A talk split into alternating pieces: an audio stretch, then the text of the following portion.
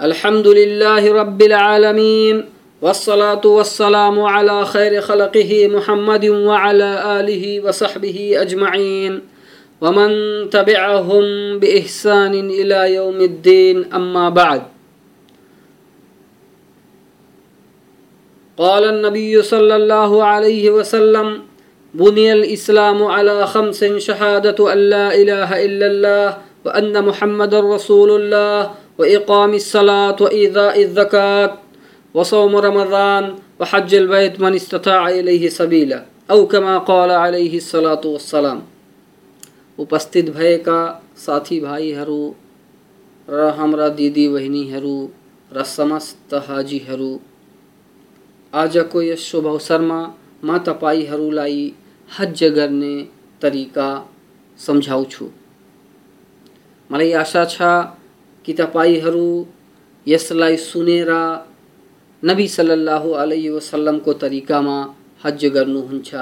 अल्लाह हामी सबैको हज कबुल गरून् र हामी सबैलाई नबी सल्लल्लाहु अलैहि वसल्लमको तरिकामा हज गर्ने सुअवसर प्रदान गरून्। किनकि उहाँको फरमान छ, खुदु अन्नी मनासिकुम हज गर्ने तरिका मसित सिकिहाल हजको एहराम। जब तपाईँहरू उम्रा गरेर मक्कामा बसिराख्नुहुन्छ अनि जब तरबियाको दिन आउँछ, अर्थात् जिलहिज्जाको आठ तारिकको दिन, त एक पहर बिते पश्चात मान्छे जता पनि होस् त्यतैबाट हजको एहराम लगाओस्। त यो सुन्नत होइन कि कोही आफ्नो वासस्थान वा डेराबाट एहराम लगाउनुको लागि मस्जिद हराममा जाओस् वा कुनै अरू मस्जिदसम्म जाओस् किनकि नबी सल्लाह वसल्लमले यस्तो गर्नुभएको छैन। न त उहाँका साथीहरूले नै यस्तो यस्तो गरेका छन्। बुखारी र मुस्लिममा हज़रत जाबिरको यो हदिस वर्णित छ कि नबी सल्लाह वसल्लमले उनीहरूसित भने, हलाल भएर आफ्ना वासस्थानहरूमा बास गर। यहाँसम्म कि तरबियाको दिन आओस्। अनि त्यतैबाट हजको एहराम लगाऊ। र मुस्लिममा हज़रत जाबिरबाटै वर्णित छ कि जब हामीहरू हलाल भए, त रसुल सल्लाह वसल्लमले हामीहरूलाई आदेश गरे कि हामीहरू जब मीना जाने इच्छा गरौँ, त एहराम लगाऊँ।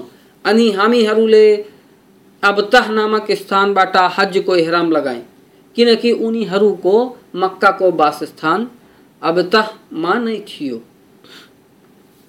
र हज को एहराम लगाउँदा पनि त्यही कार्य गरोस्, जुन उम्राको एहराममा लगाउँदा गरेको थियो।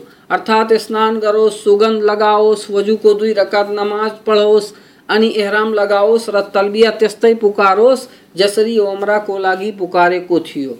तर हजको तलबियामा लब्बैक उमरतनको सट्टामा लब्बैक हज्जन भन्नुपर्छ र यदि त्यसलाई हज सम्पन्न गर्नुबाट कुनै कुराको भय होस् त यो शर्त पनि लगाओस् कि म त्यही हलाल भई हाल्छु जहाँ यसको लागि बाधित हुन्छु र यदि कुनै कुराको भय छैन भने शर्त नलगाओस् अनि एहराम लगाए पश्चात मिना तरफ़ प्रस्थान गरोस्।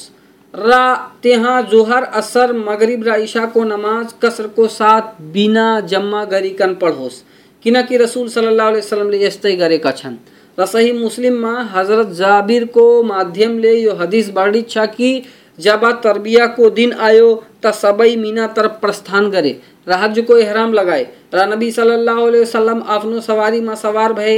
र मिनामा जुहर, असर, मगरिब, इशारा, फजर को नमाज़ पढे। र बुखारीमा इब्ने उमर रजियल्लाहु अन्हुको माध्यमले वर्णित छ कि नबी सल्लल्लाहु अलैहि वसल्लमले मिनामा दुई रकात गरेर नमाज़ पढे। र हज़रत अबू बकर र उमरले पनि, र हज़रत उस्मानले पनि। आफ्नो शासनकालको आरम्भिक कालमा यस्तै पढेका थिए। र नबी सल्लल्लाहु अलैहि वसल्लम मिनामा जुहर एवं असर र मगरिब एवं इशालाई जम्मा गरेर पढ्दैनथिए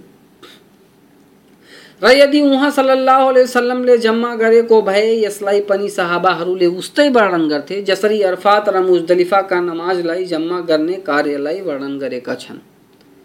र मक्कावासी र बाहिरबाट आएकाहरू सबै मानिसहरू मिना मुजदलिफा र अरफातमा नमाजलाई कसर गरेर, कम गरेर पढ्छन्।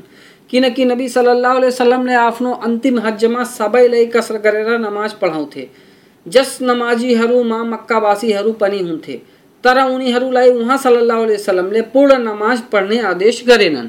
र यदि मक्कावासीहरूमाथि नमाजलाई पूर्ण गरेर पढ्नु अनिवार्य हुन्थ्यो भने उहाँ सल्लल्लाहु अलैहि वसल्लम उनीहरूलाई उस्तै पूर्ण नमाज़ पढ्ने आदेश गर्थे, जसरी कि फतह मक्काको समय आदेश गरेका थिए।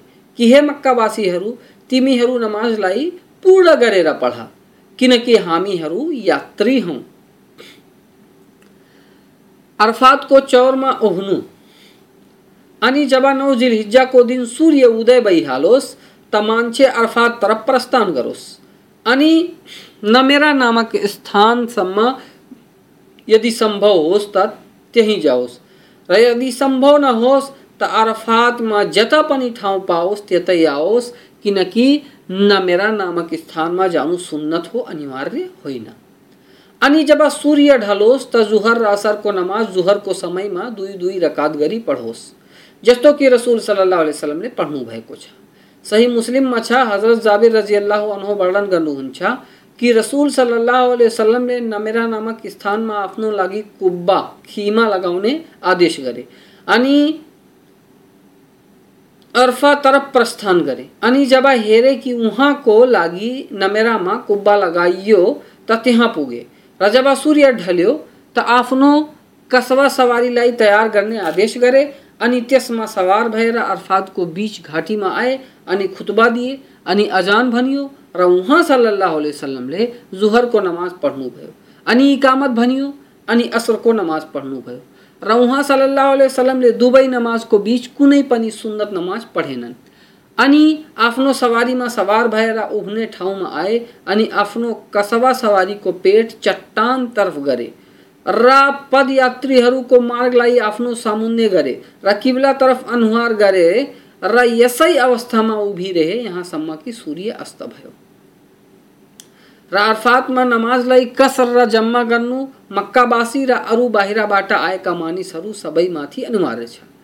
र यहाँ अरफातमा जमा तकदिम जुहरको समयमा असरलाई पनि पढिन्छ यस कारण यो गरिन्छ ताकि मान्छेहरूलाई दुवा गर्नुको पर्याप्त समय मिलोस्। र इमामको साथ नमाज़ पढेर आ आफ्नो डेरातर्फ जान सकुन्। त हाजीहरूको लागि अरफातको दिनको अन्तिम समयलाई दुवा याचना, गुणगान एवं पाठनको लागि विशिष्ट गर्नु अति सराहनीय कुरा हो। र यहाँ रसुल सल्लाह वसलमद्वारा प्रमाणित दुवाहरू गर्नु अति उत्तम मानिन्छ, किनकि ती दुवाहरू सर्वोत्तम र अति लाभदायक छन् र ती दुवाहरूमध्ये केही निम्न हुन्। अल्लाहुम्मा लकल हम्दु कल्लज़ी नक़ूलु व खैरम मिम्मा नक़ूल अल्लाहुम्मा लका सलाती व नुसकी व महयाय व माती व इलैका रब्बी मआबी व लका रब्बी तुरासी अल्लाहुम्मा इन्नी अऊज़ु बिका मिन अज़ाबिल क़ब्रि व वसवसति सदरि व शतातिल अम्र र यस खालका धेरै दुवाहरू किताबहरूमा सङ्ग्रहित गरिएका छन्, जसलाई पढ्नु अति उचित मानिन्छ। अर्थात् हे अल्लाह, तिम्रै लागि समस्त प्रशंसाहरू छन्। जसरी कि हामी भनिराखेका छौँ, र हामीले भनिरहेको भन्दा राम्रो। हे अल्लाह, तिम्रो लागि नै हाम्रो नमाज़ र बलि, मृत्यु र जीवन छ, र हामी तिमीतिर नै फर्किजानेछौँ र हाम्रो, र तिम्रो लागि नै हाम्रो वरासत छ। हे अल्लाह, तिम्रो शरत चाहन्छु चिहानको यातनाबाट, र छातीको उक्साहटबाट र कुराको विविधताबाट। हे अल्लाह मा तिम्रो शरण चाहन्छु त्यस बुराईबाट जसलाई वायु वायु ल्याउँछ हे अल्लाह, तिमी मेरो कुरा सुनिराखेका छौ र मेरो स्थान हेरिराखेका छौ। आदि धेरै दुवाहरू जे चाहोस्, त्यो गर्न सक्छ। तर अरफात को दिन को दुआ, सर्वोत्कृष्ट दुआ हो। रसूल सल्लल्लाहु अलैहि वसल्लम को फरमान छ सबैभन्दा राम्रो दुआ, अरफा को दिन को दुआ हो। र सबैभन्दा राम्रो दुआ जुन मैले रामा भन्दा पहिलाका सन्देशवाहकहरूले गरेका छन् यो हो। ला इलाहा इल्लल्लाहु वहदहु ला शरीका लहु, लहुल मुल्क व लहुल हम्दु व हुवा अला कुल्लि शैइन कदीर। अर्थात त्यस अल्लाह बाहेक कोही सत्य पूज्य छैन, त्यो एक्लै छ त्यसको कोही साझीदार छैन, त्यसैको लागि सत्ता छ र त्यसैको लागि समस्त प्रशंसाहरू छन् र त्यो समस्त कुराहरूमाथि शक्ति सम्पन्न छ। यो दुवा गर्नु अति सराहनीय मानिन्छ। र जुन मान्छेलाई रसुल सल्लाह वसलमबाट प्रमाणित दुवा याद नहोस् त त्यसलाई जुनसुकै हलाल दुवा याद होस्, त्यसैलाई गरोस्। अनि जब त्यो गरेर थाकोस् र आफ्नो साथीहरूसित लाभान्वित कुराहरू गर्न चाहोस् वा कुरानको पाठन गर्न चाहोस् वा कुनै यस्तो लाभदायक किताबको अध्ययन गर्न चाहोस् जुन अल्लाहको कृपा, दयाको वर्णन गर्छ वा अर्फातको दिन अल्लाहको उदारताको बखान गर्छ, त त्यो यस्तो गर्न त्यो यस्तो पनि गर्न सक्छ र यस्तो गर्नु राम्रो कुरो मानिन्छ। अनि यो गरे पश्चात फेरि त्यो दुआ गरोस् र अल्लाहसित रोई रोई, क्षमा याचना गरोस् र मान्छेलाई चाहियो कि यस दिनको अन्तिम पहाडमा अत्याधिक दुवा गरोस् र मान्छेलाई यो पनि आवश्यक छ कि दुआ गर्दा आफ्नो अनुहार काबा तरफ़ राखोस्। चाहे जबले अरफात, जबले रहमत त्यसको दायाँ बायाँ वा पछाडि किन नहोस् किनकि किबला तरफ़ अनुहार गर्नु सुन्नत हो। र दुआ गर्दा आफ्नो दुवै हातलाई उठाएको होस्। र यदि एउटा हातमा कुनै बाध्यता होस्, जस कारण त्यसलाई उठाउनुबाट असमर्थ होस्, भने जुन हात खाली र स्वस्थ छ त्यसलाई नै उठाओस्। किनकि हदिसमा वर्णित छ, हज़रत उस्मान रज़ी अल्लाह अनहु वर्णन गर्नुहुन्छ कि म अरफातमा रसुल सल्लाह वसल्लमको पछाडि सवारीमा बसेको थिएँ र उहाँ सल्लाह वसल्लम आफ्नो दुवै हात उठाएर दुवा गरिरहेका थिए।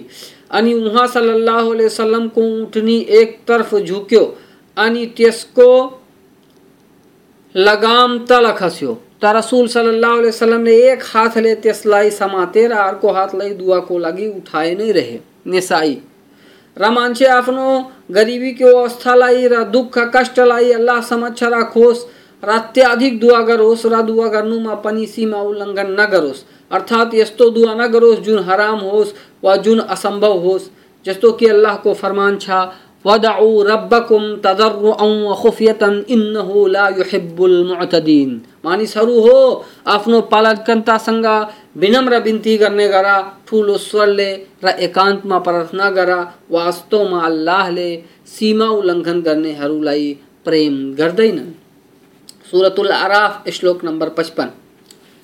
र हराम खानुबाट पनि बाँचोस् किनकि याचना कबुल हुनुको यो सर्वोत्कृष्ट कारण हो। सही मुस्लिम में हज़रत अबू हुरैरा द्वारा बड़ी इच्छा कि रसूल सल्लल्लाहु अलैहि वसल्लमले भन्नुभयो अल्लाह पवित्र छ पवित्रतालाई मन पराउँछ र यसै हदिसभित्र यो पनि वर्णित वर्णित छ कि एउटा मान्छे अति टाढाबाट यात्रा गरेर आउँछ उसको कपालहरू छरिएका हुन्छन् र त्यसमाथि माटो धुल हुन्छ अनि त्यो आफ्नो दुवै हातलाई उठाएर भन्छ, हे अल्लाह हे अल्लाह, हे प्रतिपालक हे प्रतिपालक, अर्थात् रोइ रोइ याचना गर्छ र त्यसको खाना, तर त्यसको खाना हराम हुन्छ, त्यसको पिउनु, पिउने पानी पनि हराम हुन्छ, त्यो जुन लुगा लगाएको छ, त्यो पनि हराम मालबाट किनिएको हुन्छ त त्यसको याचना कहाँ स्वीकार हुन्छ र? त रसुल सल्लाह वसलमले त्यस मान्छेको याचना कबुल हुनुलाई असम्भव भनेका छन् जसको खाना, कपडा, हराम मालबाट किनिएको होस् र जब मान्छेलाई त्यस ठाउँमा उभ्ने अवसर प्राप्त हो, जहाँ रसुल सल्लाह वसलम उभिएका थिए, अर्थात् चट्टानहरू निकट त यो अति उत्कृष्ट कुरो हो। र यदि यस्तो सम्भव नहोस् त अर्फातको चौरमा जता ठाउँ पाओस् त्यतै उभोस् किनकि हज़रत जाबिर रज़ी अल्लाह को हदीस में छा कि रसुल सल्लाह वसलमले भन्नुभयो मैले यता बलि गरेँ, र पूर्ण मिना बलि गर्ने ठाउँ हो, यसर्थ आ आफ्ना वासस्थानमा नै बलि गर्या र म यता उभेँ, र समस्त अर्फात उभ्ने स्थान हो र म मुजदलिफामा यता बास बसेँ, र समस्त मुजदलिफा बास गर्ने ठाउँ हो। मुस्लिम शरीफ, र अर्फातमा उभ्ने मान्छेमाथि यो अनिवार्य छ कि अरफातको सीमाहरूको छानबिन र अनुसन्धान गरोस् र त्यसका सीमाहरूमा सङ्केत राखिएको छ, जुन त्यसलाई खोज्दछ, पाइहाल्छ। यसर्थ त्यहाँ जुन बोर्ड राखिएका छन्, त्यस सीमा बाहिर नउभोस् बरु त्यसको भित्र गएर उभोस्। र यो यसकारण किनकि कतिपय हाजीहरू यसबाट अनभिज्ञताको कारण अरफातको सीमाबाट बाहिर नै बसिहाल्छन्।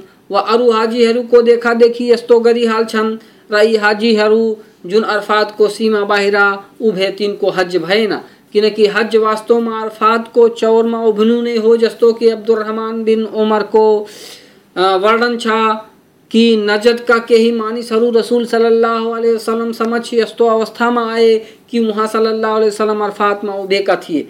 अनि अलैहि वसल्लमसित प्रश्न गरे, त उहाँ सल्लल्लाहु अलैहि वसल्लमले एउटा आह्वान गर्ने मानिसलाई यो आह्वान गर्ने आदेश गरे कि त्यो आह्वान गरोस् कि वास्तवमा हज अरफाको दिन नै हो र जुन मान्छे अरफाको दिन पश्चात आउने रात्रिको सूर्य उदय हुँदा हुँदा उदय हुनुभन्दा पहिलो नै अर्फासम्म पुग्यो, त्यसको हज भयो। रमिनाका गणनाका दिन तिन छन् तसर्थ जुन व्यक्ति दुई दिनमा जान चाहोस् त्यसमाथि कुनै आपत्ति छैन। र जुन पूर्ण गणनाका दिन बस्न चाहोस् त्यसमाथि पनि कुनै दोष छैन। र उहाँ सल्लाह वसल्लमले आफूसँगै आफ्नो सवारीमा एउटा मान्छेलाई बसाल्नुभयो जुन यस कुराको एलान गर्दै रहोस्। यस हदिसलाई Bukhari, Muslim, Abu Dawud, Tirmidhi, नेसाईले वर्णन गर्नुभएको छ। यसर्थ मान्छेमाथि यो अनिवार्य छ कि अरफातको सीमाहरूको महत्त्वहरूलाई बुझोस् र त्यसको ज्ञान प्राप्त गरोस् ताकि त्यसलाई यो दृढ विश्वास रहोस् कि त्यो अर्फाको सीमाभित्र उभेको छ। र जुन व्यक्ति, अरफातमा दिनको समय उभेको छ, त्यसमाथि यो अनिवार्य छ कि सूर्य अस्ताएसम्म त्यतै रहोस्। किनकि रसुल सल्लाह वसल्लम सूर्य अस्ताएको बेलासम्म त्यतै उभिएका थिए। र उहाँ सल्लाह वसल्लमको भनाइ छ हज गर्ने तरिका मसित सिकिहाल र यसकारण पनि किनकि सूर्य अस्ताउनुभन्दा अघि अर्फातबाट निस्कनु अनभिज्ञ कालका कार्यहरूमध्येको हो, जसको इस्लामले विरोध गरेको छ। र अर्फातमा उभिने समय, ईदको दिनको सूर्य उदय हुने सम्मा रहन्छ जस्तो कि रसूल सल्लल्लाहु अलैहि वसल्लम को फरमान छ, जुन व्यक्ति अरफात पश्चात आउने रात्रि, जुन रात्रिमा मुजदलिफामा बास बसिन्छ। को सूर्य उदय हुनुभन्दा अघि अरफातमा पुग्यो, त्यसको हज पूर्ण भयो। तर यदि कुनै मान्छे यस्तो समयमा अरफातको चौरमा पुग्यो कि ईदको दिनको सूर्य उदय भइसकेको छ भने त्यसको हज भएन।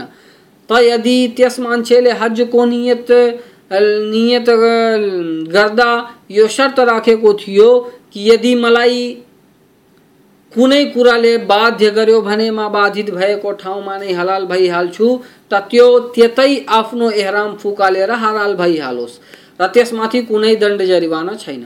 तर यदि त्यसले हजको नियत गर्दा कुनै शर्त राखेको थिएन भने त्यो उम्राको नियत गरी काबासम्म गएर तवाफ र सही गर्छ, अनि टाउको खौराएर खौराएर यदि त्यसको साथमा बलिको जनावर छ भने त्यसलाई बलि गर्छ र आउनेवाला वर्ष पुनः हज गर्छ र पुनः बलि दिन्छ।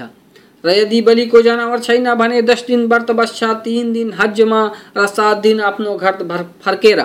जस्तो कि इमाम मालिकले मुत्तामा हदिस वर्णन गरेका छन् कि हज़रत उमरले अबु अयुब र हेबार बिन असवदलाई जिनको हज छुटिसकेको थियो, यो आदेश गरेका थिए कि उम्रा गरेर हलाल भइहालुन् र आउनेवाला वर्ष हज गरून्, र बलि पनि गरून्। र जससित बलि गर्ने क्षमता नहोस्, त्यो हजमा तिन दिन र घर फर्केपछि सात दिन व्रत बसोस्। मुजदलिफामा रात व्यतीत गर्नु। अनि सूर्य अस्त भए पश्चात अर्फात बा अर्फातमा उभेका मानिसहरू मुजदलिफा तरफ़ प्रस्थान गरून्।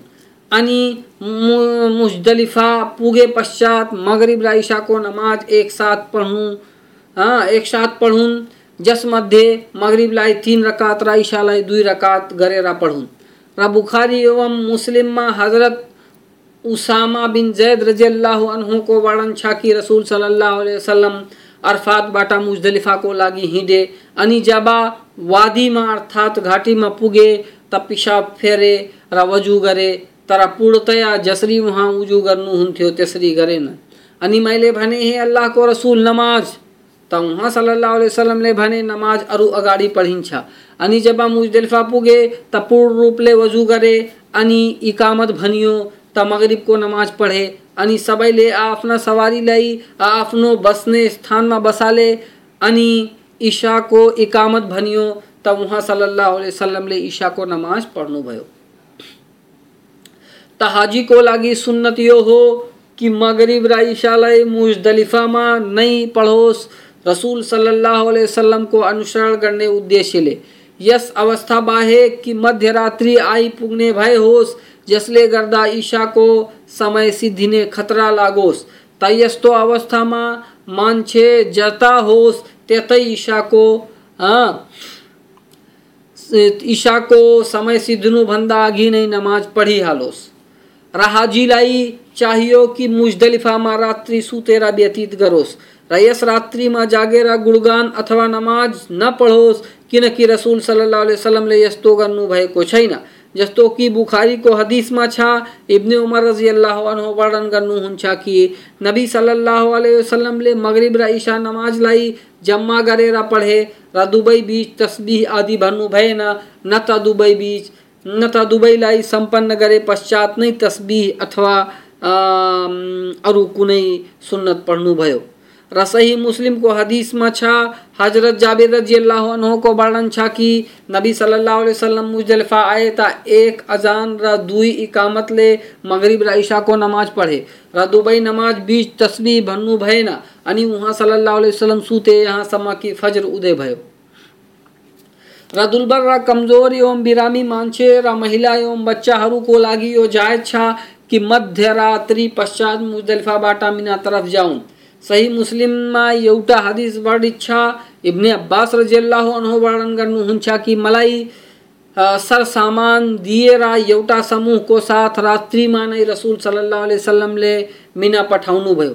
र बुखारी मुस्लिम मुस्लिममा अर्को हदिसमा छ, इब्ने उमरको वर्णन छ कि उनी आफ्नो परिवारका कमज़ोर र वृद्ध मान्छेहरूलाई मुजदलिफामा मशअरुल हराम सम्म ल्याउँथे अनि उनीहरू त्यहाँ रुक्थे अनि जति अल्लाह को सतुति र गुणगान गर्न सक्थे गर्थे अनि मिना तरफ़ प्रस्थान गर्थे तती जाने हरू मध्ये केही फजर भन्दा पहिला नै मिना पुगी हाल्थे र केही फजर पश्चात पुग्थे अनि कंकरी हान्थे र इब्ने उमर भन्थे कि रसूल सल्लल्लाहु अलैहि वसल्लमले यिनीहरूलाई यस्तो गर्नुको लागि अनुमति प्रदान गर्नुभएको छ तर जुन मान्छे न त कमज़ोर, दुर्बल होस्, न त कमज़ोर र दुर्बल मान्छेको साथ सहायक होस् तत्यो मुजदलफा में नहीं बास गरोस। यहाँ समा की फजर को नमाज़ पढ़ोस, रसूल सल्लल्लाहु अलैहि वसल्लम को अनुसरण को लागी रसही मुस्लिम में हज़रत आयशा रज़ी अल्लाह को वर्णन छा कि हज़रत सौदा रज़ी अल्लाह अनहाले मुजदलिफा को रात्रि रसूल सल्लल्लाहु अलैहि वसल्लम सिताइयो अनुमति माग्नु भयो कि उनी मान्छेहरूको भिड त्यहाँबाट प्रस्थान गर्नुभन्दा अगावै नै त्यहाँबाट मिनाको लागि निस्किहालुन् र उनी अति मोटी स्त्री थिइन् त रसुल सल्लाह अलैहि वसल्लमले उहाँलाई यस्तो गर्नुको अनुमति प्रदान गरी भयो। र हामीहरूलाई प्रातःकालसम्म त्यहाँ नै रोकिराख्नुभयो अनि बिहान भए पश्चात नै हामीहरू उहाँ सल्लाह अलैहि वसल्लमको साथ त्यहाँबाट प्रस्थान गरे। र अनि जब हाजी फजरको नमाज़ पढिसकोस् त मशअरुल हराम जाओस्, र तरफ़ अनुहार गरेर अल्लाहको भक्ति सत्ति र गुणगान गरोस्। यहाँसम्म कि भोर भइहालोस् र यदि मशअरुल हरामसम्म पुग्नु सम्भव नहोस् त जहाँ छ त्यहीँ अल्लाहको पवित्रताको वर्णन गरोस्। र जति गुणगान नगर्न सकोस्, त्यति गुणगान नगरोस् किनकि रसुल सल्लाह फरमान छ, मा यता बास बसे र पूर्ण मुजदलिफा बास बस्ने ठाउँ हो। अनि जब मुजदलफामा भएका मानिसहरू अल्लाहको गुणगान आफ्नो क्षमता अनुसार गरिसकुन् त सूर्य उदय हुनुभन्दा अघि नै मिनातर्फ प्रस्थान गरून्। र जब मिना पुगिहालुन् त निम्नका कार्यहरू गरून्। नम्बर एक, ठुलो जमरालाई कङ्करी हान्नु। जुन कि मक्कासित नजिक छ र मिनाको सीमाको अन्त्यमा पर्छ। त्यसर्थ सातवटा यस्तो कङ्करी जुन खज जस्तो चनाको गेडाभन्दा अलि ठुलो आकारको होस् त्यसलाई कतैबाट लिएर ठुलो जमरालाई हानोस्? र यदि सम्भव होस् त हाजी मिना घाटीको बिचमा गएर काबालाई आफ्नो देब्रे तरफ गरेर मिनालाई आफ्नो दायाँ तरफ गरेर कङ्करी हानोस्। किनकि इब्ने मसुदको वर्णन छ उहाँ रजी अल्लाह अनहु जब जमरासम्म पुग्नुभयो तकावालाई आफ्नो देब्रे तरफ गरेर मिनालाई आफ्नो दायाँतिर गरी कङ्करी हान्नुभयो। र भन्नुभयो यस्तै त्यस महापुरुषले कङ्करी हानेका छन्, जसमाथि सुरतुल बकरा उद्भासित उद्भासित भएको छ। अर्थात् रसुल सल्लाह सल्लम बुखारी, मुस्लिम। र हाजी प्रत्येक कङ्करीलाई हान्दा अल्लाह अकबर भनोस्, र धेरै ठुलो कङ्करी अथवा जुत्ता, चप्पल आदि हान्नु जायज़ छैन।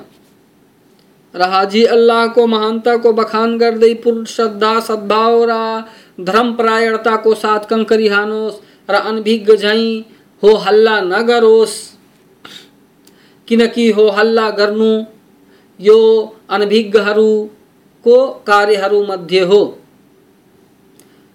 जमरालाई कंकरी हान्नु अल्लाहको प्रतीक र पूजा मध्य को हो, जस्तो कि अल्लाहको फरमान छ, वमन युअज्जिम शाइर अल्लाह फइन्नहा मिन तक़वल कुलूब। जुन व्यक्तिले अल्लाहका निशानीहरूको आदर र सम्मान गर्छन् त निसन्देह ती कुराहरू उसको हृदयको धर्मपरायणतासित सम्बन्ध राख्दछ। सुरतुल हज, श्लोक नम्बर बत्तिस। र हदिसमा बढी इच्छा के रसूल सल्लाह वसल्लमले भन्नुभयो, बैतुल्लाहको परिक्रमा र सवा सफ़ा र मरवाको सही गर्नु र जमरालाई कङ्करी हान्नुलाई अल्लाहको गुणगान र सतुति गर्ने उद्देश्यले अनिवार्य गरिएको छ।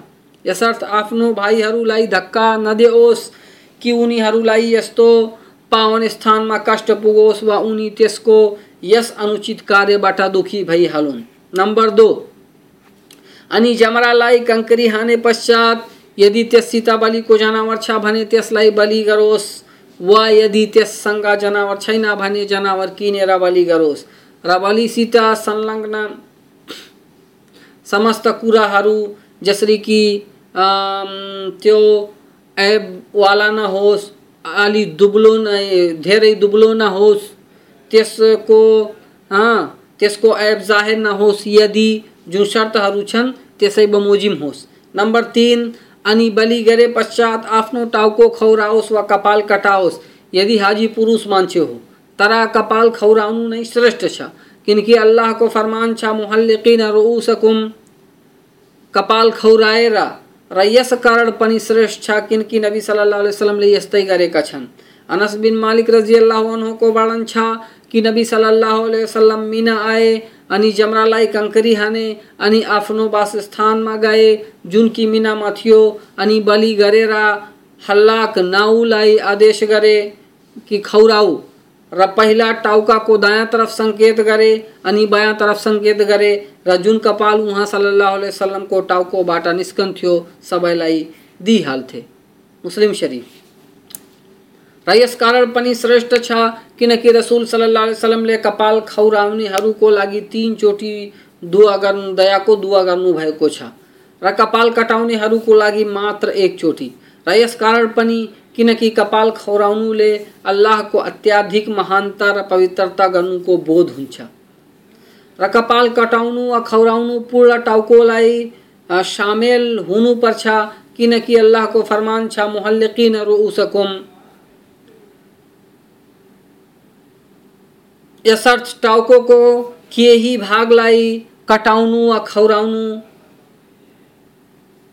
दुरुस्त छैन, बरु अवैधानिक छ। किनकि यस्तो गर्नुबाट रोकिएको छ? बुखारी र मुस्लिममा एउटा हदिसबाट छ। नाफे बिन उमरको भनाइ छ कि इब्ने उमरले भन्नुभयो कि नबी सल्लल्लाहु अलैहि वसल्लमले कजाबाट रोक्नु भएको छ? त उहाँसित सोधियो कि यो कजा के हो? त उहाँ रजिल्लाहले भने, यसको अर्थ हो बच्चाको टाउको को केही भागलाई खौराइयोस्, र अरू भागलाई त्यसै छाडियोस्। त जब कजाबाट मनाही गरिएको छ त यो हुनै सक्दैन कि यसद्वारा अल्लाहको प्रसन्नता प्राप्त गरियोस्। र नबी सल्लाह वसलम त आफ्नो पूर्ण टाउकोले खौराउनु भएको थियो? मात्र अल्लाहको पूजा गर्ने उद्देश्यले र उहाँ सल्लाह वसलमको फरमान छ आफ्नो हज गर्ने तरिका मसित सिकिहाल रह्यो कुरो महिलाहरूको त महिलाहरू आफ्नो केशका समस्त लटहरूबाट औलाको एक पोर जतिको केश काटुन्। त जब मान्छे उपरोक्तका समस्त कार्यहरूलाई सम्पन्न गर्यो। त त्यसको लागि हरामको कारण जति पनि कुराहरू हराम थिए, सबै हलाल भए। स्त्रीसित सहवास गर्नु बाहेक यसर्थ अब त्यसको लागि सुगन्ध प्रयोग गर्नु, नङ्ग काट्नु, सिलोको लुगा लगाउनु आदि हलाल भयो। र सुन्नत यो छ कि जब मान्छे हरामको बन्देजहरूबाट मुक्त होस् त सुगंध प्रयोग गरोस जस्तो कि हज़रत आयशा रज़ी अल्लाह अनहा को वर्णन छ कि मा रसूल सल्लल्लाहु अलैहि वसल्लमलाई इहराम लगाउनु भन्दा अघि पनि सुगन्ध लगाउँथे र उहाँ सल्लल्लाहु अलैहि वसल्लम जब एहरामबाट हलाल हुन्थे, तब पनि त्यहाँलाई तवाफ गर्नुभन्दा अघि सुगन्ध लगाउँथे बुखारी मुस्लिम र शब्द मुस्लिमका हुन् र अर्को हदिसमा छ कि मा रसुल सल्लाह वसल्लमलाई इहराम लगाउनु भन्दा अघि सुगन्ध लगाउँथे र कुर्बानीको दिन तवाफ गर्नुभन्दा अघि पनि सुगन्ध लगाउँथे। र यी कुराहरू अर्थात् सुगन्ध लगाउनु, नङ काट्नु समस्त कार्यहरूलाई सम्पन्न गरे पश्चात नै हलाल हुन्छन्, यो धारणा सही छैन। बरु यी समस्त कुराहरू जमरालाई कङ्करी हानेर, कपाल खौराए र खौराए बित्तिकै हलाल भइहाल्छन्। सम्भोग बाहेक नंबर चार, तवाफे इफाजा गर्नु यसलाई तवाफे जिवा, जियारा पनि भनिन्छ। र सही मुस्लिममा छ, हज़रत जाबेर रजियल्लाहु अन्हु नबी सल्लल्लाहु अलैहि वसल्लम को हज गर्ने तरिकालाई वर्णन गर्दै भन्छन्, फेरि रसूल सल्लल्लाहु अलैहि वसल्लम आफ्नो सवारीमाथि सवार भई बैतुल्ला तरफ़ प्रस्थान गरे र तवाफे इफाजा गरे अनि मक्कामा जुहरको नमाज़ पढे। हज़रत आयशा रज़ी अल्लाह अनहा को वर्णन छ, हामीले रसूल सल्लल्लाहु अलैहि वसल्लम को साथ में हज करें, अनि कुर्बानी को दिन दवाफे इफाजा करें। बुखारी, मुस्लिम। र यदि हाजी, हज तमत्तो गरिरहेको छ भने तवाफे इफाजा गरे पश्चात सही पनि गरोस् किनकि पहिला गरिएको सही उम्राको सही थियो।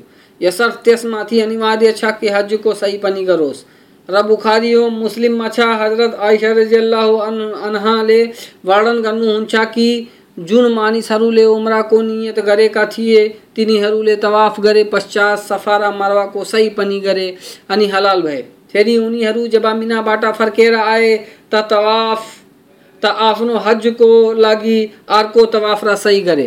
तर जस, जसले हज र उम्रालाई एकैसाथ जम्मा गरेका थिए, अर्थात् हज केरानको नियत गरेका थिए तिनीहरूले मात्र एउटै सही गरे। रसही मुस्लिम हज़रत आयशा कई वर्णन छ कि अल्लाह त्यस मान्छेको हज र उम्रा पूर्ण गर्दैनन् जसले सफ़ा र मर्वाको सही गरेको छैन। र सही बुखारीमा छ इब्ने अब्बास रज़ी अल्लाह वर्णन गर्नुहुन्छ कि फेरि रसुल सल्लाह वसलमले हामीलाई आठ जिलहिज्जाको दिन आदेश गर्नुभयो कि हामी हजको एहराम लगाऊँ। त जब हामीहरूले हजका अरू समस्त कार्यहरू सम्पन्न गरेँ त मक्का आएर बैतुल्लाको तवाफ गरेँ र सफ़ा र मरवा बिच दौड लगाएँ, अनि हाम्रो हज पूर्ण भयो। यसलाई बुखारीले रिवायत गर्नुभएको छ। र यदि हाजी हज इफराद वा किरान गरिरहेको छ र त्यसले उम्राको तवाफको साथ सही गरिक सकेको छ भने सही त्यसलाई पुनः सही गर्ने आवश्यकता छैन। किनकि हज़रत जाबिर रजिल्लाको वर्णन छ, रसुल सल्लल्लाहु अलैहि वसल्लम र उहाँ सल्लल्लाहु अलैहि वसल्लमका साथीहरूले सफ़ा मरवा बीच मात्र एक सही गरेका थिए। अर्थात् उम्राको साथ मात्र सही गरेका थिए, मुस्लिम। एहरामको साथ सही गरेको र यदि मान्छे हरामको साथ सही गरेको छैन त्यसलाई सही गर्नु आवश्यक छ। अर्थात्, उम्रा गर्ने समय। त्यसले सही गरेको छैन भने त्यसलाई सही गर्नु आवश्यक छ। किनकि बिना सही गर्न, बिना सही गरिकन हज हुँदैन। र यदि इफराद र केरान गर्ने मान्छेले तवाफे जियारत गर्यो र सही पनि गर्यो वा सही पहिला नै गरेको थियो, त त्यो पूर्णतय हालहाल भयो। जसलाई तहल्लुले सानी व तहल्लुले अकबर भनिन्छ। र यस तहल्लुल पश्चात हाल त्यसको लागि समस्त निषेधित कुराहरू हलाल भए, अर्थात् सम्भोग गर्नु पनि हलाल भयो। रसूल सल्लल्लाहु अलैहि वसल्लमको हजको विशेषता वर्णन गर्दै इब्ने उमर भन्छन्, अनि रसूल सल्लल्लाहु अलैहि वसल्लमले बलिको जनावरलाई जबा गर्नुभयो र मक्का गएर तवाफे इफाजा गर्नुभयो अनि एहराममा एहरामका समस्त बन्देजहरूबाट मुक्त हुनुभयो जुन एहरामको कारण निषेधित थिए। र सर्वोत्कृष्ट कुरो यो छ कि मान्छे कुर्बानीको दिनका कार्यहरूलाई निम्नमा वर्णित क्रम बमोजिम गरोस् पहिला ठुलो जमरालाई कङ्करी हानोस्, अनि बलिको जनावरलाई जबा गरोस् अनि कपाल खौराओस् व कटाओस् अनि तवाफ र सही गरोस्। किनकि नबी सल्लाह वसल्लमले यस्तै क्रमबद्ध तरिकाले यी चारवटै कार्यहरूलाई गरेका छन्। र भनेका छन् मसित हज गर्ने तरिका सिकिहाल तर यदि मान्छेले यी कार्यहरूलाई अघि पछि गर्यो भने कुनै दोष छैन, जस्तो कि इब्ने अब्बास रजिल्लाहु अन्हुको हदिसमा वर्णित छ कि रसुल सल्लाह वसलमसित बलि गर्नु कङ्करी हान्नु, कपाल खौराउनु र यसलाई अघि पछि गर्नुको बारेमा सोधियो त उहाँले भन्नुभयो, यस्तो गर्नुमा कुनै आपत्ति छैन। बुखारी, मुस्लिम। र बुखारीको हदिसमा छ इब्ने अब्बास भन्नुहुन्छ कि कुर्बानीको दिन नबी सल्लल्लाहु सल्लाह वसलमसित जति पनि प्रश्न गरिन्थ्यो, त्यसको उत्तरमा उहाँ सल्लाह वसलम भन्थे, कुनै आपत्ति छैन। त एउटा मान्छेले प्रश्न गर्यो, हे अल्लाहको रसुल, मैले बलि गर्नुभन्दा अघि नै कपाल खौराएँ। त उहाँ सल्लाह वसलमले भन्नुभयो, बलि गरी हाल कुनै आपत्ति छैन। र एउटा मान्छेले भन्यो, मैले साँझा कङ्करी हाने। त उहाँ सल्लाह वसलमले भन्नुभयो, कुनै आपत्ति छैन। र यदि मान्छेको लागि कुर्बानीको दिन तवाफै इफाजा गर्नु सम्भव नहोस् त त्यसमा विलम्ब गर्नुमा पनि कुनै आपत्ति छैन। बरु यस्तो गर्नु जायज़ छ। तर मान्छेको लागि उत्तम यो नै छ कि तवाफे इफाजा तश्रिकका दिनहरूमा नै सम्पन्न गरिहालोस्। अर्थात् तेह्र जिलहिज्जा सम्ममा सम्पन्न गरिहालोस्। तर यदि त्यस त्यससित कुनै वैधानिक कारण छ। जसरी रोग र जसोला र सुत्केरीको सुत्केरीको अवस्था आदि त तवाफे फाजा गर्नुमा अरू विलम्ब पनि गर्न सकिन्छ। कुर्बानीको दिन तवाफ र सही गरे पश्चात हाजी पुनः मिना फर्केर आओस् र ईदको दिनको साथै तशरिकका दिन र रात्रिहरूमा पनि मिनामा बास बसोस्। किनकि रसुल सल्लाह वसलम यी दिन र रात्रिहरूमा मिनामा नै बसेका थिए र मान्छेमाथि अनिवार्य छ कि ग्यारह बाह्र तेह्र जिलहिज्जाको रात्रि मिनामा नै गुजारोस् किनकि नबी सल्लाह वसलमले यी रात्रिहरूलाई मिनामा व्यतीत गर्नुभएको छ र उहाँ सल्लाह वसलमको भनाइ छ हज गर्ने तरिकामा सित सिकिहाल र कुनै कारण वा यस्तो कारण जुन हाजीहरूको लागि हितकर छ मिनाको बास गर्ने कार्यलाई त्याग्न पनि सकिन्छ किनकि बुखारी र मुस्लिममा हदीस छ, हज़रत अब्दुल्लाह बिन उमर रज़ी अल्लाह को वर्णन छ कि अब्बास बिन अब्दुल मुत्तलिब नबी सल्लल्लाहु अलैहि वसल्लम सीता यो अनुमति चाहे कि मिनामा व्यतीत गर्ने रात्रिहरूलाई उनी मक्कामा व्यतीत गरून् ताकि हाजीहरूलाई पानी खुवाउन सकुन्। त रसुल सल्लल्लाहु अलैहि वसल्लमले उहाँलाई यस्तो गर्ने अनुमति प्रदान गर्नुभयो र हज़रत आसिम बिन अदी रज़ी अल्लाह को वर्णन छ, रसुल सल्लल्लाहु अलैहि वसल्लमले ऊँट चराउने मान्छेहरूलाई मिनामा रात्रि व्यतीत नगर्नुको अनुमति प्रदान गर्नुभएको भयो अनुमति प्रदान गर्नुभयो यस हदिसलाई Bukhari, Muslim, Abu Dawud Tirmidhi नेसाईले वर्णन गर्नुभएको छ। र हाजी तस्रिकका दिनहरूमा तिनों जमरालाई क्रमबद्ध तरिकाले साथ साथ कङ्करी हानोस्, र प्रत्येक कङ्करी हान्दाखेरि अल्लाह अकबर पनि भन्दै रहोस् र सूर्य ढल्के पश्चात मात्र कङ्करी हानोस्। त पहिला त्यस जमरालाई कङ्करी हानो जुन मस्जिदे खैफ निकट छ, अनि अलि अगाडि गएर किब्लातिर आफ्नो अनुहार गरी दुवै हात उठाएर लामो समयसम्म दुवा गरोस्। अनि बिचको जमरालाई कङ्करी हानोस् अनि अलि अगाडि गएर किब्लातिर अनुहार गरी दुवा गरोस्। अनि अघि बढेर तेस्रो, र ठुलो जमरालाई कङ्करी हानोस् र फर्केर आफ्नो वासस्थानतिर आओस्। त्यहाँ दुवा गर्नुको लागि नरोकोस् इमाम बुखारीले इब्ने उमरको माध्यमले यो हदिस वर्णन गरेका छन् कि नबी सल्लाह वसल्लमले यसरी नै गर्नुभएको छ। र यदि हाजीको लागि लामो समयसम्म दुवा गर्नु असम्भव होस्, त जति समयसम्म असम्भव होस्, त्यति समयसम्म दुवा गरोस्, ताकि यो सुन्नत जीवित रहोस्। जसलाई अधिकांश मान्छेहरूले त्यागिसकेका छन्। र यी तस्रिकका दिनहरूमा सूर्य सूर्य ढल्कनुभन्दा अघि कङ्करी हान्नु जायज़ छैन। किनकि रसुल सल्लाह वसलमले सूर्य ढल्के पश्चात नै कङ्करी हान्नु भएको छ। र उहाँको भनाइ छ, हज गर्ने तरिका मसित सिकिहाल र हज़रत जावेर रजिल्लाको वर्णन छ कि नबी सल्लाह वसलमले कुर्बानीको दिन चाष्टको समय कङ्करी हान्नु भयो, र अरू दिनहरूमा सूर्य ढल्के पश्चात कङ्करी हान्नु भयो मुस्लिम। रजबा हाजीले ग्यारह र बाह्र जिलहिज्जाको दिन कंकरी हान्यो, त त त्यसले अनिवार्यतालाई सम्पन्न गर्यो। अब त्यसलाई अख्तियार छ, यदि चाहोस् त मिनामा रुकेर तेह्र तारिकमा पनि सूर्य ढल्के पश्चात कंकरी हानोस्। र यदि चाहोस् त बाह्र तारिकको दिन कङ्करी हानेर त्यहाँबाट जाओस्। किनकि अल्लाहको फरमान छ, फमन तअज्जल फ़ी यौमैन फला इस्म अलैह वमन तअखर फला इस्म अलैह। यदि कसैले छिटो गर्छ र दुई, एघार र बाह्र दिनमै हिँडिहाल्छ भने त्यसलाई कुनै गुना छैन। र जुन पछि बसिरहन्छन् तिनीमाथि पनि कुनै गुना छैन। सुरतुल बकरा श्लोक नम्बर दुई सौ तिन। र तेह्र तेह्र तारिकसम्म बस्नु श्रेष्ठ, किनकि रसुल सल्लाह वसल्लम यस्तै गरेका छन्। र यदि बाह्र तारिकको दिन मान्छे मिनाबाट निस्कन चाहन्छ तर त्यसले मिनाबाट निस्कनुभन्दा अघि नै सूर्य अस्त भयो, भने त्यो मिनाबाट ननिस्कोस् किनकि अल्लाहको फरमान छ फमन त अज्जल फ़ी योमैन। त अल्लाहले दुई दिनको बन्देज लगाएका छन्, त जब दुई दिन बित्यो, त जल्दी गर्ने समय सिद्ध्यो। र यो थाहै नै छ कि दिन सूर्य अस्ताए पश्चात नै सिद्ध भइहाल्छ। कंकरी हान्नुको लागि वकिल बनाउनु।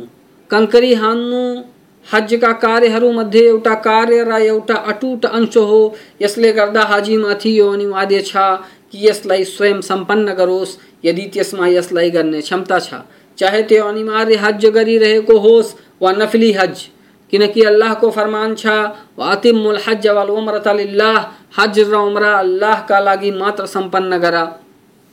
सुरतुल बकरा श्लोक नंबर एक सौ छियानब्बे त यदि मानिसले हज र उम्रा आरंभ गर्यो, त यो अनिवार्य छ कि त्यसलाई सम्पन्न चाहे त्यो नफली हज र उम्रा किन नहोस्। र मान्छेको लागि यो जायज़ छैन कि आफू यस कार्यलाई गर्नुमा सूक्ष्म भए पनि अरू कसैलाई वकिल बनाओस्। तर यदि त्यो कङ्क्री हान्नुमा स्वयं सूक्ष्म छैन, कुनै बिरामीको कारण वा केही बद्धताको कारण वा कुनै पनि वैधानिक कारणले त यस्तो अवस्थामा त्यो मान्छे, कुनै यस्तो मान्छेलाई वकिल बनाओस्, जसको ज्ञान र धर्मपरायणताबाट सन्तुष्ट होस्। कि त्यो व्यक्ति त्यसको तर्फबाट पनि कङ्करी हानोस्। अब चाहे मान्छे स्वयं त्यसलाई कङ्करी खोजेर दियोस् वा त्यो व्यक्ति आफै कङ्करी खोजेर लैजाओस्, र त्यसको तर्फबाट पनि कङ्करी हानोस्। र वकिलले कङ्करी हान्ने तरिका यो हो कि पहिला त्यो आफ्नो लागि सातवटा कङ्करी हानोस्, अनि आफ्नो मुवक्किलको तर्फबाट सातवटा कङ्करी हानोस्।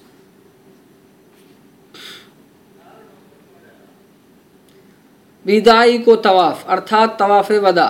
जब हाजी मिनाबाट फर्केर जाओस् र हजका समस्त कार्यहरूलाई पूर्णतया सम्पन्न गरिहालोस् र देश, र घर फर्केर जाने इच्छुक होस्, त सात चक्र तवाफ गरोस्। यसलाई तवाफे वदा विदाईको तवाफ अथवा अन्तिम तवाफ भनिन्छ। किनकि रसुल सल्लाह वसलमले बिदाईको तवाफ गर्नुभएको छ, र उहाँ सल्लाह वसलमको फरमान छ, हज गर्ने तरिकामा सित सिकिहाल र अनिवार्य यो छ कि मान्छेको मक्काको अन्तिम कार्य तवाफ वदा होस् किनकि इब्ने अब्बास रज़ी अल्लाह को में वर्णित छ। रसूल सल्लल्लाहु अलैहि वसल्लमले भन्नुभयो मान्छे रसूल सल्लल्लाहु अलैहि वसल्लमले तब भन्नुभयो जब मान्छेहरू हतार हतार गरेर आ आफ्ना घरहरू तरफ़ लाग्ने गरेका थिए, त भन्नुभयो कोही पनि तबसम्म नफर्कोस्, जबसम्म बैतुल्लाहको बिदाईको तवाफ नगरिहालोस्, जुन त्यसको मक्काको अन्तिम कार्य होस्। मुस्लिम शरीफ। यसर तवाफ विदा गरे पश्चात मक्कामा बास बस्नु जायज़ छैन, न त कुनै अरू कार्यहरूमा व्यस्त हुनु जायज़ छ। तर यात्रासित सम्बन्धित कार्यहरू गर्नु जायज़ छ। जसरी यात्राका सामानहरू किन्नु, साथीहरूको प्रतीक्षा गर्नु, गाडीको प्रतीक्षा गर्नु आदि। र तवाफे वदा रजस्वला र सुत्केरी अवस्थामा भएकी महिलाहरूमाथि अनिवार्य छैन, जस्तो कि इब्ने अब्बासको वर्णन छ कि रसुल सल्लाह वसलमले समस्त मान्छेहरूलाई तवाफे वदा गर्ने आदेश गरे, तर रजस्वलाको अवस्थामा भएकी महिलालाई यसमा छुट प्रदान गरे। बुखारी मुस्लिम। र सही मुस्लिममा हज़रत आयशा रजिल्लाहु अनहाद्वारा वर्णित छ कि सफ़िया बिनते हुई इलाई तवाफ़े इफाजा पश्चात रसोला आयो त हज़रत आयशा रज़ी अल्लाह अनहा भन्छन् कि मैले यो कुरा रसुल सल्लाह वसलमसित भने त उहाँ सल्लाह वसलमले भन्नुभयो, के त्यसले हामीलाई रोकिहाल्छे? त मैले भने, हे अल्लाहका रसुल, त्यसलाई मासिक धर्म तवाफे इफाजा गरे पश्चात आएको छ। त रसुल सल्लाह वसलमले भन्नुभयो, यदि कुरो यस्तो छ भने त्यो पनि यहाँबाट जान सक्छ। र सुत्केरीको अवस्था पनि रजस्वला झैँ छ किनकि यस अवस्थामा पनि महिलामाथि तवाफ गर्नु वर्जित छ। त थियो अति संक्षेपमा हज गर्ने नबी सल्लल्लाहु अलैहि वसल्लमको तरिका। त म अन्त्यमा अल्लाहसित यो बिन्ती गर्दछु कि अल्लाह हामी सबैलाई नबी सल्लल्लाहु अलैहि वसल्लमको तरिकामा हज गर्ने सुअवसर प्रदान गरून् र हामीहरूका हजलाई र हामीहरूका समस्त कार्यलाई र हामीहरूका दुवा याचनालाई कबुल गरून्। र हामीहरूमध्ये जुन हाजीहरू यहाँ आएर शहीद भइसकेका छन्। अल्लाहको बाटोमा, किनकि उनीहरू अल्लाहको बाटोमा थिए, अल्लाहको मार्गमा थिए। जुन हाजीहरूको यहाँ मक्कामा निधन भइसकेको छ। अल्लाहसित बिन्ती छ। कि अल्लाह उनीहरूलाई शहीदको स्थान प्रदान गरोस् र उनीहरूलाई स्वर्ग प्रदान गरोस् र जुन हाजीहरू यहाँ आएर रमररी हज गरे र आफ्नो क्षमता अनुसार रसूल सल्लल्लाहु अलैहि वसल्लम को पद्धति में हज गर्ने प्रयास गरे अल्लाह तबारक व तआला उनीहरूको हजलाई कबूल गरी नर्कबाट बचाउन्, र स्वर्गमा उच्च स्थान प्रदान गरून्